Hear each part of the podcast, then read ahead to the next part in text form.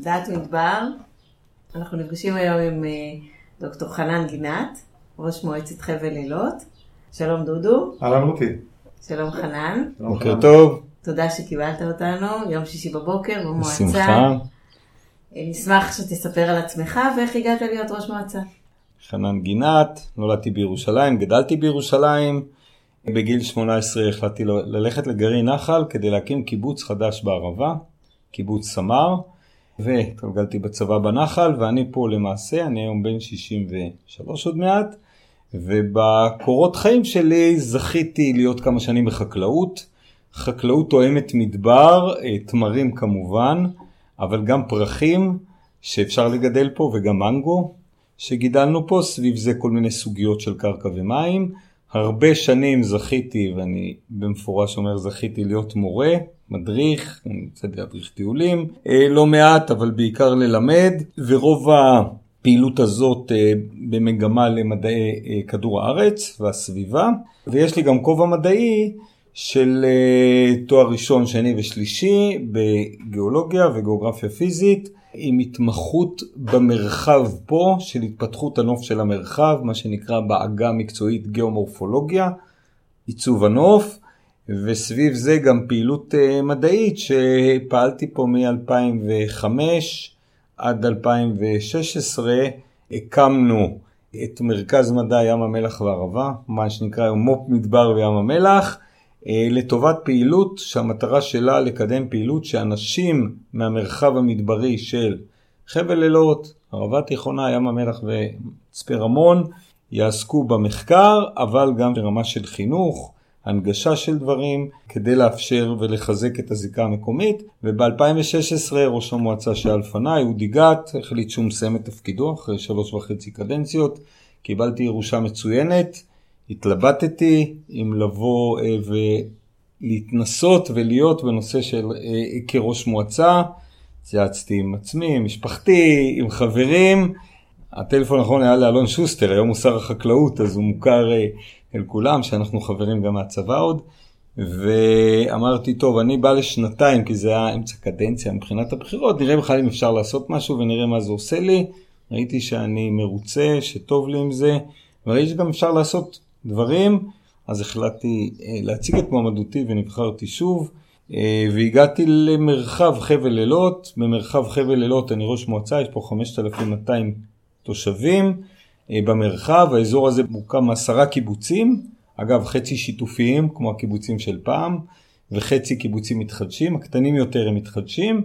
שני יישובים קהילתיים, יש פה יישוב שגדל בקצב מאוד מהיר באירוע, ויישוב קטן יותר שחרות. והאתגר פה של הגדול ביותר בחבל הוא צמיחה דמוגרפית, להביא לפה אוכלוסייה, אוכלוסייה צעירה, טובה, גם בנים ובנות שלנו, אבל בהחלט עוד אנשים שאנחנו רוצים שיבואו למרחב פה של חבל אילות.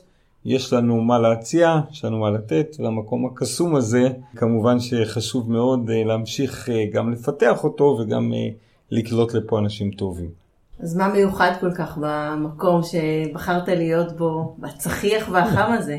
כן, אז בואו רגע נתחיל בהיבט הפיזי ונחלק אותו. במדבר הצחיח קיצון, שתכף אני אגיע לכמה מילים, אחד היתרונות הגדולים שרואים הכל. אין עצים אלא בנחלים, אין אזור לא מכוסה. ובטח ובטח כגיאולוג אני יכול להגיד שאנחנו נחשפים פה לכל יחידות הנוף, אני קורא לזה נוף סלע. שיש בכל המזרח התיכון, בטח בדרום ישראל, סיני, ובטח ובטח במרחב הזה. וסביב ההבנה של מה שיש פה והכרה, אנחנו מבינים שעברנו פה שלבים שהיה פה מגמה, אותו נוזל חם שהתגבש, והיום חשופים, תמנע בגרניטים של הרי אדום. אנחנו מכירים את אבני החול ששקעו במי נחלים, גם זה חשוף בעיקר בבקעת תמנע. אבני חול אדומות, לבנות, יש להם סיפור שלהם.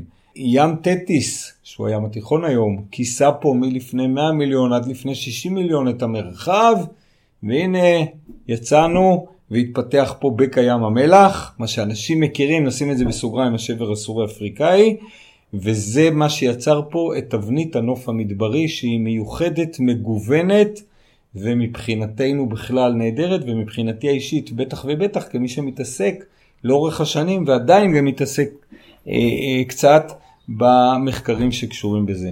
זה ההיבט הפיזי הראשון. ההיבט השני, ההיבט האקלימי. המדבר פה הוא מדבר צחיח קיצון.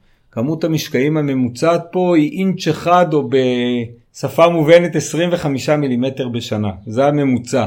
יש שנים שאין גשם בכלל ויש שנים כמו השנה שהיינו בכמות פה פי שלוש מהממוצע בזכות אירועי שיטפונות שנוצרים. יש פה שאלה גדולה על הטמפרטורה, האם יותר חם פה? המדידות שאני מכיר, את האמת הן לא של העשר שנים האחרונות, אבל שדווקא בחורף קצת יותר קריר ובקיץ קצת יותר חם, וצריך מאוד להיזהר מה... כן, לא היה חודש כזה, לא היה שנה כזאת, אנחנו אגב רואים את זה דרך התמרים. למשל השנה התמרים הם קצת יותר מאוחר, כי היה פה חודשים באביב שהיו קרירים, יחד עם גשם גם. אז זה אה, אה, רכיב אחד, והרכיב השני, שמתוך הגשמים נולדים השיטפונות. אני לא מעט שנים בעסקי מחקר שיטפונות, גם הייתי צייד שיטפונות, אלה שיוצאים לצאת השיטפונות, אבל גם הרבה להתעסק במחקרים של השיטפונות. סוגיה מעניינת וסוגיה חשיבה ביותר, כי מהשיטפונות, בחלקם הגדול, מעל 90 אחוז, נשארים במדבר בתוך האדמה, וכשנדריך קבוצות אני אומר חברים יש פה מים, הם רק בתוך האדמה, צריך להגיע אליהם, צריך להגיע אליהם דרך קידוחים, אתמול היה פה, הייתה פה משלחת שלמה מרשות המים, ממקורות, וזה הנושא בין השאר שמוביל אותנו לאפשרות להתיישבות פה. אז גם הנושא האקלימי, המים הוא נושא קריטי פה, חשוב, כן, אנחנו במדבר צחיח קיצון, אבל במדבר הזה צריך מים, אחרת אין פה התיישבות. עכשיו אני עובר להתיישבות.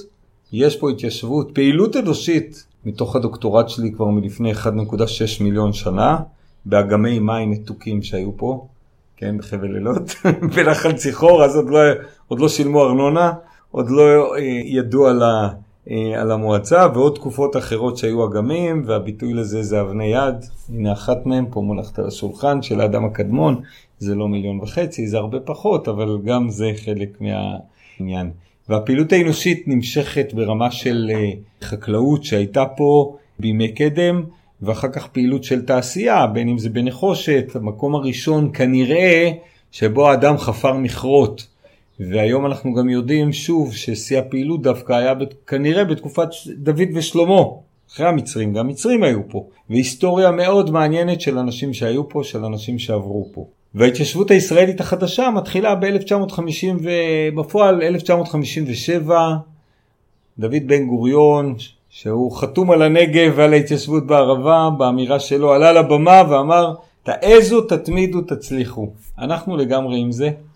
החברים ששמעו אותו בני 82 היום מרביתם עוד בחיים יש פה מעל 20 איש בקיבוץ יוטבתה זה הגרעין שהקים את קיבוץ יוטבתה. את אותה התיישבות אה, באמת באו וזה היה צחיח במובן שלא היה פה עוד אה, הרבה פעילות, נכון? יש פה עין רדיאן עם מים ועוד דברים אחרים, והתחילו במה שנראה כבלתי אפשרי. אגב, הפרות הראשונות לרפת ביוטבתה, וזה ענף התעשייה המרכזי פה של מחלבת יוטבתה, רק מ-1963. לפני זה היו פה, היה פה פמפס, היו פה פרות לבקר, לבשר, במשך 12 אה, שנה. ומתוך ההקמה הזאת של יוטבתה נולדה התיישבות בעשרה קיבוצים בחבל אילות, שהקיבוצים האחרונים, במשך 20-25 שנה הוקמו פה קיבוצים. קיבוצים האלה, היום יש עשרה קיבוצים, מתוכם הקיבוצים הגדולים, יוטבתה, קטורה, סמר, נאות סמדר, אילות, זה הקיבוצים שהם מעל 100 חברים היום, וזה קיבוצים שיתופיים. שנגיד ככה, רוב פרנסתם חקלאות, תמרים, מג'ול, מלבד קיבוץ יוטבתה שיש לו את המחלבה. ולכן גם לו יש תמרים. הקיבוצים המתחדשים הם אה, חמישה קיבוצים, גרופית עכשיו הצטרפו לרשימת המתחדשים, כולם פחות מ-100 חברים, קיבוצים יותר קטנים, מתחדשים בסוגריים מופרטים, נווה חריף, יהל, לוטן, אה, אליפז וגרופית. וגם הקיבוצים האלה פרנסתם בעיקר מתמרים, אבל לא רק, ואחד האתגרים הגדולים מבחינתי כראש מועצה וכמי שמוביל פה גם את החברה הכלכלית, זה לקדם פה את התיירות. יש פה פוטנציאל אדיר לתיירות, יש פה בקעת תמנע שנכון לשנה שעברה היו בה 160 אלף מבקרים, נעבור את תקופת הקורונה ונחזור לזה, תוך שלוש שנים צריך להגיע פה בטח לרבע מיליון, יש פוטנציאל אדיר בתוך העניין הזה כמקור פרנסה של היישובים. ויש פה 5,200 איש בחבל לילות, מתוכם 20% בשני יישובים קהילתיים, היישוב הגדול באר אורה, ליד שדה התעופה רמון, ויישוב קטן הרבה יותר אה, שחרות. כששואלים אותי, למה הלכת להיות ראש מועצה? כאילו, מה... מה משעמם לך? התעסקת, ב... לימדת בבית ספר, התעסקת במחקר ומאמרים? זה אני אומר לך, רותי, מסתכל לך בעיניים, לי מצוין במרכז מדע, ובכל זאת אמרתי, יאללה, נלך ונראה, כי אחד, אני לא מתבייש להגיד, זה ציונות, מבחינתי זה חשוב, ככה גם באתי לשבת בערבה, מתוך ראייה שזה חשוב, ומי שיכול, שינסה וייתן. ודבר שני, זה נשמע קצת פרפרזיה, אבל חבל אילות זה סוג של משפחה גדולה. יש פה הרבה אנשים מצוינים, לא את כולם אני מכיר, אבל הרבה מאוד אני מכיר, כמו הפגישות שהיו פה בבוקר, הפגישות הבאות, ולמה לא? ואז זו עבודה שהיא מאוד uh, מהנה ומאוד טובה עם אנשים טובים שיש פה, ועם האתגרים שלנו בחבל אילות. דיברת הרבה מאוד על uh, קיבוצים שהם עדיין שיתופיים, זאת אומרת אם מסתכלים באחוזים עדיין רמת השיתופיות פה יותר גדולה. נכון. אם זה אומר משהו על, על המדבר בכלל, על כן. החברה האנושית שחיה במדבר? האתגר הראשון שיש לנו זה המרחק. זה בא לידי ביטוי בכמה צורות. אחד, אנחנו הפריפריה הכי פריפריה של מדינת ישראל.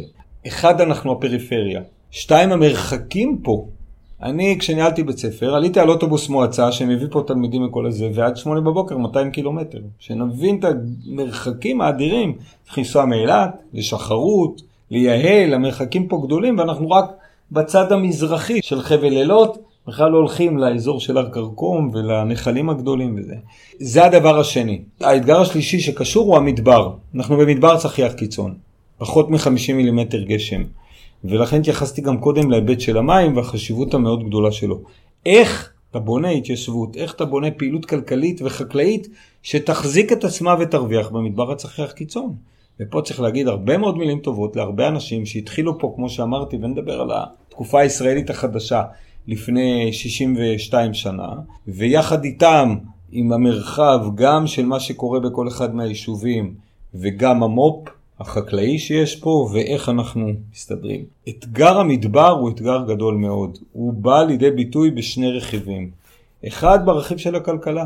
כל דבר פה יותר יקר, ולכן אה, זה אתגר ראשון. האתגר השני הוא אתגר של הנוחות. כן, נכון, חם פה, מה, וואי, שבוע הבא, שבוע הבא, ראיתי אתמול, 46 עד 48 מעלות, אני לא מוטרד, לא נעים לי להגיד. אני גם לא סובל מהחום, אבל גם אנחנו יודעים לחיות במדבר, כי יש משהו שהגוף מסתגל לחיים במדבר, ואין פה לחות, ולכן עומס החום שלנו יותר קטן, ונכון, חם, לא הולכים לבריכה פה בשתיים, חם מדי. הולכים פה לבריכה בשש עם הילדים. ויש פה בריכות בכל היישובים, ולכן אני אומר שזה גם, אה, חוץ מבשחרות למעלה, אבל זה גם בהחלט חלק, חלק מהעניין אה, של החיים, והחיים פה במדבר שלנו. והמדבר שלנו, אני אומר, זה אותו מדבר שהוא חם, שהוא צחיח קיצון, שהוא שמונה חודשים בשנה הוא חם, אבל עם הייחוד ועם היופי, ועם היופי שלו. אז זה מבחינתנו. עכשיו כשאני מסתכל ברמה הלאומית, כן, אני הזכרתי קודם את בן גוריון, כן, אנחנו נמצאים בהכי מדבר בישראל, גם בהרבה מובנים יותר מדבר מאילת, בטח כי אילת זה עיר, אבל אילת גם יושבת על, ה, על המפרץ ועל החוף, ואנחנו לא, אנחנו בלב המדבר. וזה חלק מהאתגר, ולכן ברמה הלאומית זה ההתייחסות, אז המו"פ מדבר וים המלח זה באמת המדבר שלנו, והמדבר הוא, שוב, השאלה איך סופרים מה זה מדבר, אבל בואו נגיד לפחות, לפחות 40% מהשטח של מדינת ישראל, ואנחנו כל המועצה פה, עכשיו אני רגע כראש מועצה, מדבר על אה, אה, מדבר. אחד הדברים שהתעסקתי במחקר זה הנושא של השינוי האקלימי. מדברים בעולם על התחממות כדור הארץ, על השינוי האקלימי, ואף אחד כמעט לא התעסק במחקר, בשינוי האקלימי במדבר הצחיח קיצון, כי לכאורה זה לא מעניין. למה זה מעניין? אנחנו פה בלאו הכי פה רחוקים, סבבה, מי שפה מסתדר. ואני, את התקופה שחקרתי זה די ארוכה. אז קודם כל אה, סיפור. מ-1997 עד 2010 לא היו פה שיטפונות. 14 שנה לא היו שיטפונות, זה מה שהניע אותי למחקר. שליש מעצי השיטים פה מתו. היה לי עניינים עם בני שלמון, הוא אמר הם מתים מזקנה, אמרתי לו לא, בני, הם מתים כי אין מספיק מים. בדצמבר בני ואני נתנו הרצאות בכנס של, אה, של רט"ג על ההתייבשות ואחר כך ניסו גם להשקות בנחלים. ואז ב-2010, ינואר, 17 בינואר 2010 היה השיטפון הגדול, האחרון, ומאז היו פה 35 שיטפונות. אז אני אומר, בזכות זה שכתבתי מאמר על השינוי האקלימי, שיש פה, אה, הנה, מישהו קרא כנראה למעלה ואמר, זה, זה לא רציני. בואו נהפוך את התמונה, וזה מדהים מה שקורה. אז נכון, 2011 הייתה שנה עם מעט זה, אבל יש פה, כולל השנה, שזה שנת שיא, בחלק הצפוני של חבל אילות שם, בקעת דממה זה ליד כושי, 110 מילימטר גשם, שנה זה פי שלוש מהממוצע משקעים הרב שנתי. עכשיו, זה אחד, על הטמפר... את הטמפרטורות הזכרתי קודם, לא בהכרח יותר חם פה במרחב הזה. עכשיו אני אגב חוקר צונאמי ואני משתדל לא לפרסם שלא היה פה צונאמי הרבה שנים ולא היה פה צונאמי אבל בכל זאת היה בעבר הרחוק שלא יהיה עכשיו מכת צונאמי זה לא המטרה זה בכובע המדעי. ברמה הגלובלית אני חושב שכל הסוגיה של ה... יש כנראה שינויים בכדור הארץ אני אומר צריך לקחת את זה במשנה זהירות כי המודעות שלנו רמת המדידות, רמת הנתונים היא אחרת לגמרי ממה שהייתה לפני 50 שנה. ולצערי, המדענים, חלק מהדברים שאני קורא, לא כולם נותנים לזה תשומת לב. ואם אתה משווה למה שהיה ב-1960, והיום 2020, 60 שנה, צריך לזכור שאז הסתכלו אחרת, מדדו אחרת. ולכן זה כל כך חשוב. הבן שלי למשל עשה עבודת גמר בבית ספר על אה, נסיגה והתקדמות של קרחונים בכדור הארץ. יש חמישה אחוז בקרחונים בכדור הארץ שגדלים. אף אחד לא מדבר על זה. זה כי זה קשור בשינוי של רצועות אקלימיות וכל מיני דברים כאלה. אז פה אין קרחונים וכנראה גם לא היו בתקופות הקדומות, אבל אגמים היו פה. היו פה אגמים של מים מתוקים. והאקלים פה משתנה והוא עוד השתנה הרבה לפני שהמין האנושי השפיע. אז אני אומר, כל הנושא הזה שהוא סופר מעניין, וכמו שאתם אה, שומעים בצליל קולי, הוא גם, אה, בעיניי הוא גם מאוד חשוב, הוא חלק מזה. אם אנחנו מדברים על שינויים והתחדשויות, מה באמת מחדש פה המקום? אנחנו יודעים uh, שאפילו אנחנו בצפון שמענו על התחדשות של אנרגיה סולארית וכל הדברים שמתעסקים איתם הרבה פה. תספר לנו.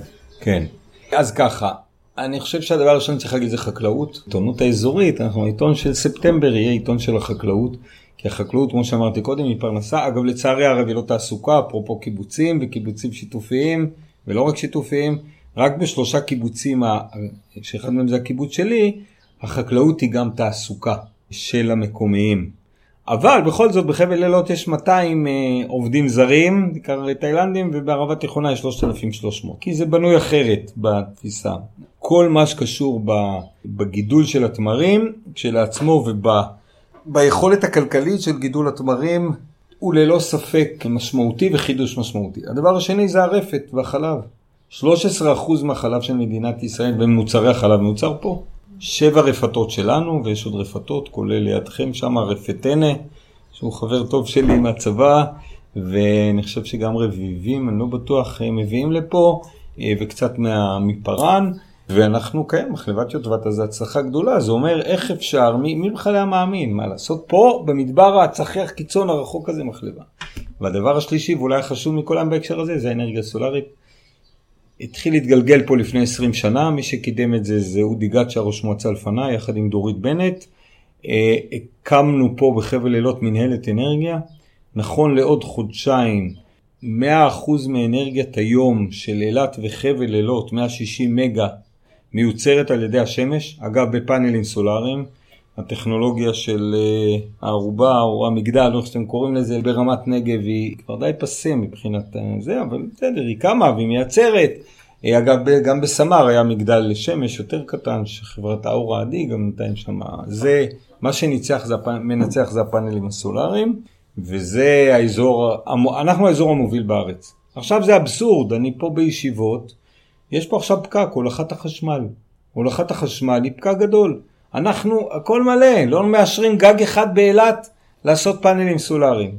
למרות שהגדירו אותנו כאזור חלוץ, כאזור מדגים, לצערי הרב אנחנו מנסים להתקדם עם זה.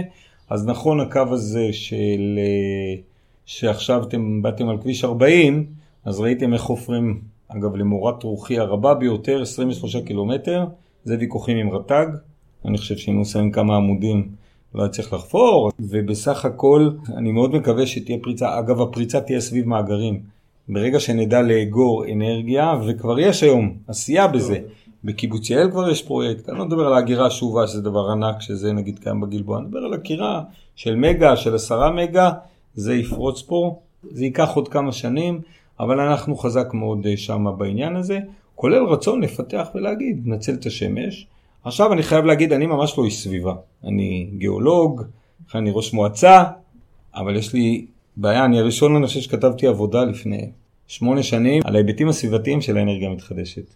אז עכשיו כל פעם שאני ליד הערובה עם מישהו, אז זה מזיק או לא מזיק לסביבה, אני לא יודע מה העמדה בהר הנגב, אבל אה, בוא נדבר על חבל לילות, פאנלים סולאריים זה על הכיפאק, אבל פאנלים סולאריים זה מתכות, וזה גדרות, וזה, וזה הכשרת שטחים וכולי וכולי.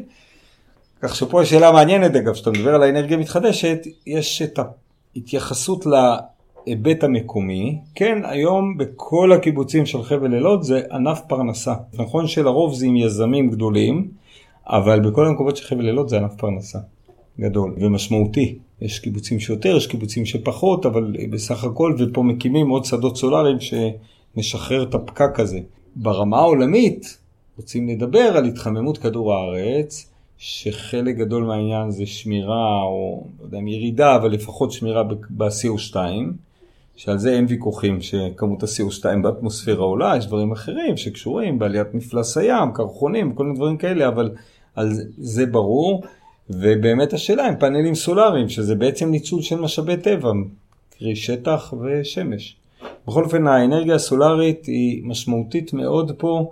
בניצול, ואני חושב שזה החוכמה, שאנחנו יכולים לנצל את המשאבי טבע שיש לנו.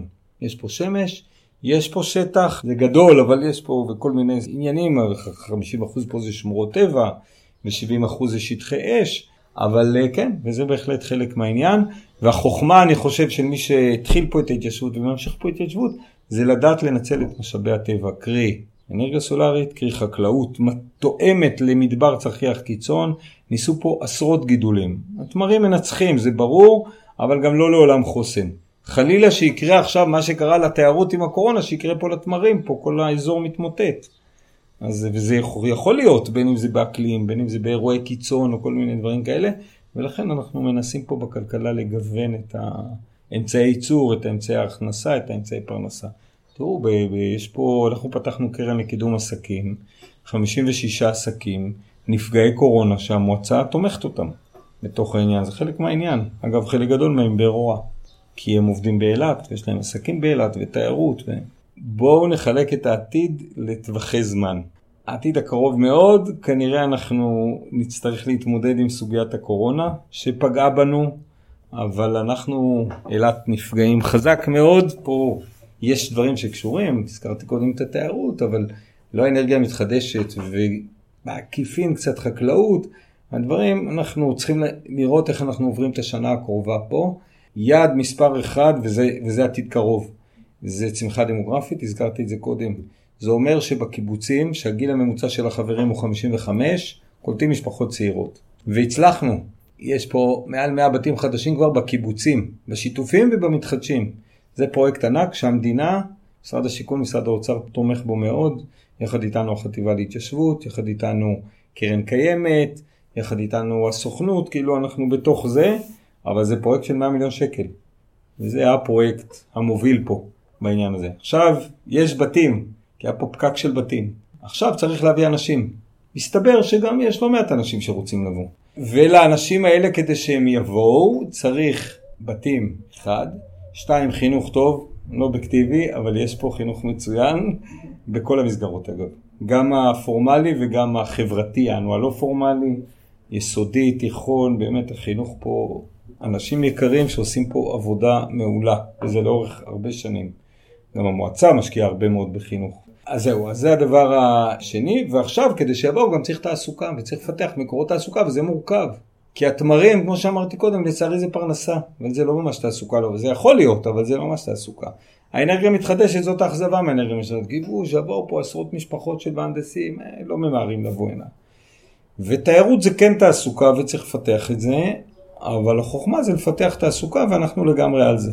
גם זה רכיב שהמועצה עכשיו מקדמת. יש פה לא מעט פיתוח של הרבה פרויקטים, אז הבית ספר זה אחד והמט"ש החדש שיש פה במט"ש אזורי זה שתיים, כי זה פרויקטים של עשרות מיליונים של שקלים, אולם ספורט חדש, שגם תראו עכשיו שאתם נוסעים לסמר, אבל גם אה, קונסרבטוריום אנחנו בונים פה, וגם כפר אומנים, יש פה תיאטרון, וקמה פה קבוצה בקיבוץ אילות כבר חמש שנים, זה מותג מאוד מוכר, ואנחנו מקימים פה כפר אומנים, עשרה בתים, יש מלא אומנים שרוצים לבוא, לעזוב את המרכז ולבוא אלינו לקיבוץ אילות. ושם גם מעניין לראות איך הם מנצלים את המדבר לטובת הקטע התיאטרלי. וכמובן מרכז מוזיקה, אה, לקטע המוזיקלי גם, בתוך המרחב התרבותי נקרא לו ככה המדברי. ויש לנו פה לא מעט פרויקטים, כולל מהפרויקטים של הבנייה אל הפרויקטים החברתיים. יש לנו למשל את המקפצה. מקפצה זה מקום ליזמים בחבל אילות לעשות פרויקטים. שמתוך זה נולד פרויקט שיכול מאוד לעניין, התחלנו לגלגל אותו, נקרא נושמי מדבר. אה, נושמי מדבר, הרעיון זה חבר'ה שהם בוגרי מנדלה, מנדלה עכשיו באילת, אה, עומר ויובל ואיה, ויש פרויקט שהחברה הכלכלית לוקחת עליו אחריות, והרעיון להביא אנשים למדבר, וזה לגמרי מתחבר פה לקטע המדבר, ולספוג את המדבר. לא מיינדפולנס, אלא desert, זה גם לא desert tech, זה desert breath, אני יודע איך לקרוא לזה. כי במדבר יש כל כך הרבה דברים טובים שאתה מקבל, בין אם זה המרחב, שאולי לא הזכרתי אותו מספיק, אבל המרחב המדברי, השטח הגדול והסביבה המדברית, עם כל האיכות שלה, מהרמה של האבן אל הרמה של הצמח ואיך הוא מסתדר, ובעל החיים איך הוא חי, וגם האנשים איך הם מגיעים. וזה הפרויקט הזה של נושמים במדבר שאנחנו יוצאים איתו עכשיו לדרך. אתה מתאר שטח גדול, פיזית, זאת אומרת מבחינת מרחקים, אתה מדבר על כמות קטנה מאוד של תושבים. שתי שאלות, איך ה... לא בצורה אובייקטיבית, אבל בעצם איך תושב שחי פה, אדם שחי בתוך המדבר, מה החוויה שלו? כי אם הייתי מתאר עכשיו, הייתי מוכר את זה בתור שכונה בתל אביב, 5,000 תושבים, זה שכונה שהקימו עכשיו בפינה של שתי רחובות, הרימו שתי מגדלים, 20 מגדלים לגובה, 5,000 אנשים גרים שם. מה החוויה האנושית של לחיות בתוך מקום כזה? זאת בעצם השאלה הראשונה. ש... אני חושב שמי שנמצא פה הגיע הנה, חי פה, יש גם כאלה שנולדו ובחרו להישאר פה, מתוך ההבנה של האיכות של המקום. אני רגע אלך לחינוך, אני כשאני הסתובב, ניהלתי את בית ספר, ואנשים לא, אני מדבר על 1995, וראיתי שאין, כאילו מה בית ספר הזה וזה. אז אה, מה שהיה לי זה כוס גדולה, הסתובבתי איתה, כדי להעריך את מה שיש, ואת חצי הכוס המלאה. היה הרבה יותר מחצי כוס מלאה. כי אני חושב שצריך לייצר גאוות יחידה, בין אם זה בבית ספר, בין אם זה ביישוב, אה, אפילו בקבוצה הקטנה שלי ביישוב, ובין אם זה במרחב האזורי, כי יש פה, יש פה את המרחב הנופי, ויש פה את האיחוד המדברי, ויש פה את הקיבוצים, שגם זה חלק מזה. רוב האוכלוסייה פה בקיבוצים, גם זה חלק מהעניין. ואני חושב שהחיבור של הדברים האלה, כשאנחנו ממתגים את חבל אילות, כדי להביא לפה אנשים. אגב, זה קיבוצים עושים כל אחד זה, ואנחנו לא פה דרמות ולא טלוויזיה ולא זה, לא צריך, אנשים אה, באים. אולי עוד לא מספיק, אבל באים, זה, זה חלק מהעניין. אז זה הדברים שמושכים, ומה שמושך אותי פה זה, זה המכלול, המכלול של הדברים והשילוב ביניהם. עכשיו, אני מאוד מקווה למשל שהילדים שלי יחליטו לחיות פה, הם עוד לא בגיל אה, שהם זה. אחד, החליט כנראה שהוא הולך לגליל, אגב, גם שם הוא מקבל מרחב קצת יותר צפוף, הוא חי באשחר קצת יותר צפוף, אבל חופש, האקלים, הפתיחות, החיים בקיבוץ, שהילד שלך יכול לצאת מהבית ואתה לא צריך לדאוג, אולי לשמש, אבל לא זה, ו- וזה בהחלט חלק, אה, חלק מהעניין. מתוך זה, ו... זה מה שנותן, כמובן כדי שזה יקרה, אפרופו חמש הדרגות של מסלאו, אתה צריך שלאנשים יהיה בית, תהיה פרנסה, יהיה להם חברים טובים, או החברים הטובים להמשך, ואז יגידו, וואי, איזה יופי פה, והמקום הזה נותן, כי יש בו משהו מיוחד. אנחנו, היעד שלנו הוא להגיע תוך עשר שנים לשמונת אלפים תושבים. אבל אנחנו מודעים למשל שהקטע הקיבוצי הוא מגביל ביכולת שלו לגדול. דווקא יישוב קהילתי כמו שדה בוקר, אז שדה בוקר יש לנו קרוב לאלפיים אנשים. באירוע אנחנו באלף, אני ממש לא ממהר עם, אה, עם באירוע, כי אני לא רוצה להגיע למצב של היישובים בגליל, שמה שהיה אה, בתי ספר הופכים היום למרכזים לגיל השלישי.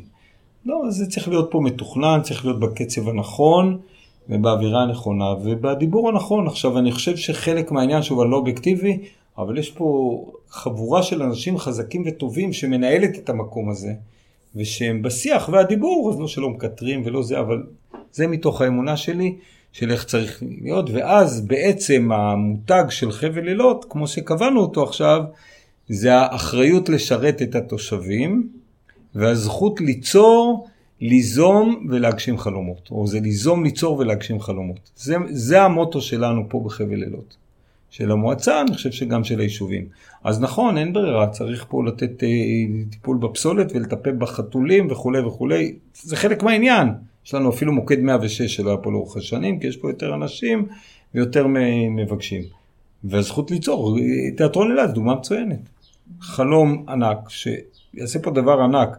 בצפון, אה, בקיבוץ, שיש שם מרכז... אה, געתון. שיש מרכז מוזיקה, אנחנו שמה. כשהם הראו לי את זה לפני ארבע שנים אני חייכתי, אבל אנחנו שמה, כי החבר'ה, היינו בפגישה עם אה, מנכ"ל משרד התרבות והספורט ביום שני, רז פרויליך, ואנחנו אנחנו לגמרי שמה. אני חושב שצריך את זה, אני חושב שזה טוב, זה טוב לנשמה. עכשיו אני מדבר גם ברמה האישית וגם ברמה האזורית. אני חושב שזה טוב, אני חושב שחייבים, דיברנו קודם, אולי אני אשלים רק על העתיד, בעתיד הרחוק, כן, אז אוקיי, אנשים זה ברמת המספר של אנשים, אבל אני חושב שהמקום חייב להיות דינמי, חייב להיות מתפתח, אחרת אין לו... נורא קל, לא יודע אם נורא קל, אבל מזמין לפעמים, כשאתה ראש מועצה, להגיד יאללה בואו נשמור על מה שיש פה, בואו ניתן את השירות, כי זה חובתנו. אבל אני חושב שהעסק זה להסתכל קדימה. שבא לך מישהו מחו"ל, מאזור צחיח גם, אז מה בעצם הידע או התובנה שאתה בעצם יכול לתרום לו? שהוא יכול ללמוד ממך, מהאזור שלנו פה. מ... אני חושב שיש פה הצלחה גדולה לפעילות האנושית. קרי ההתיישבות, מתוך זה יחד עם הכלכלה בדברים השונים שציינתי, ובוא נדבר, בוא תספר לי מה אצלך אי שם במדבר ב...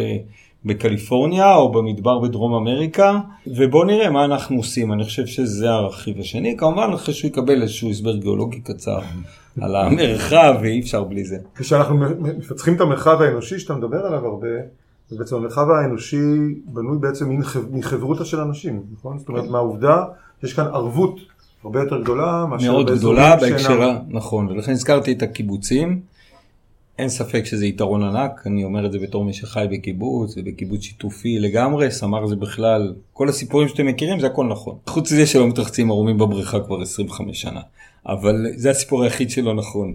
אבל יש קופה פתוחה, ויש, אבל יש פה ערבות, גם בקיבוצים המתחדשים וגם בקיבוצים השיתופיים. זה לא פשוט, זה חלק מהעניין, אבל אני מאמין, לא אובייקטיבי, שיש גם בו ערבות אזורית, בהיבט האזורי שלנו, בתוך ה...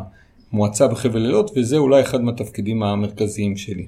לחזק את הערבות האזורית, לחזק, כן, היו פה שתי שיחות בבוקר, זה בדיוק הערבות האזורית. איך העניין של באר אורה אל מול הקיבוצים? יש שוני רציני מאוד גם במהות האנשים. כן ולא במהות האנשים. נגיד ככה, באר אורה היום 1,100 אנשים, חלק גדול אנשים שיצאו מאילת ועשו רילוקיישן, כי הם רצו חינוך טוב, רצו ללמוד פה בבית ספר מעלה שחרות, או ביסודי נוף אדום, עכשיו זה השם החדש פה של הבית ספר היסודי, או כי הם רצו את המרחב הפתוח כי נמאס להם מהעיר, זה רוב האנשים של באורה בזמנו עשו סקר. אבל האתגר הוא, אה, אז זה אה, אחד, אגב, לא מעט אנשים שגם באו מהצפון בשביל לעבוד בשדה תעופה. גם אה, חלק מהמשפחות מתפרנסים. אז מצד אחד, באר אורה, ואנשים מצוינים, הרבה מאוד אנשים מצוינים בבאר אורה. אני אגיד ככה, מתוך ה-1,100 אנשים, 1,100 אנשים זה 280 משפחות. זה סדר גודל אחד יותר, סדר גודל אחד יותר בילדים של בית ספר. יש שם 400 ילדים, 300 ומשהו ילדים בבית ספר. הצמיחה פה של בית ספר, שנגדה את כל הציפיות שהתחילו לתכנן אותו, היא אה, נובעת מהגידול המאוד משמעותי. שליש מנוף אדום זה, זה באר רואה. בסך הכל הרבה מאוד אה, אנשים מצוינים בבאר רואה. זה אתגר גדול, זה אתגר גדול בעבודה מול הוועד ומול הזה, בתוך הרכיבים, נגיד ככה, הרכיבים הכלכליים, כי המקום מתנהל אחרת. השקפת עולם היא קצת אחרת. זה חלק מהעניין, ש, שבעבר נגיד קודמה היהודי קצת בשנים האחרונות, אבל לא כך התמודדו איתו, פתאום האזור לא רק קיבוצי. אה, טוב לי פה, אני חי כי טוב לי פה, לכן גם אה, בחרתי את התפקיד שהוא ללא ספק מאתגר לבוא להיות פה ראש מועצה. אני לא פוליטיקאי, אני נעלב שאומרים לי שאני פוליטיקאי, לא נעים לי להגיד, אבל אני ממש לא שמה. אין לי שום שאיפות ושום זה, אני באתי פה בשביל חבל לילות, ובסך הכל קורים פה הרבה דברים טובים, כי יש פה אנשים טובים. נכון, יש פה לא מעט אתגרים, כאלה שקשורים באנשים וכאלה שקשורים במרחב, אבל אה, זה טוב, זה עושה את זה מעניין.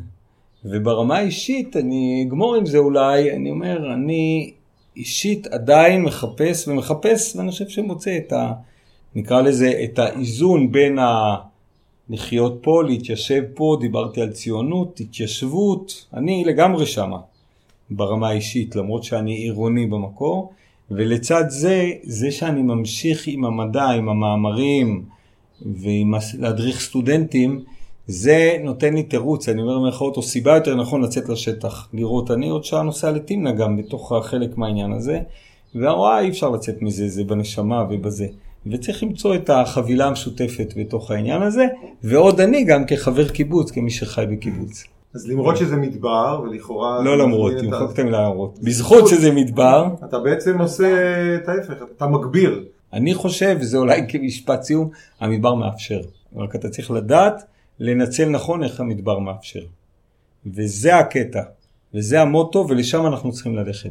אה, חנן, תודה רבה, היה לנו נעים מאוד לראיין אותך. להזכיר לכם, כל הרעיונות שלנו נמצאים באתר מדבר.אור, גם בספוטיפיי וגם ב iTunes, תמשיכו להאזין לנו.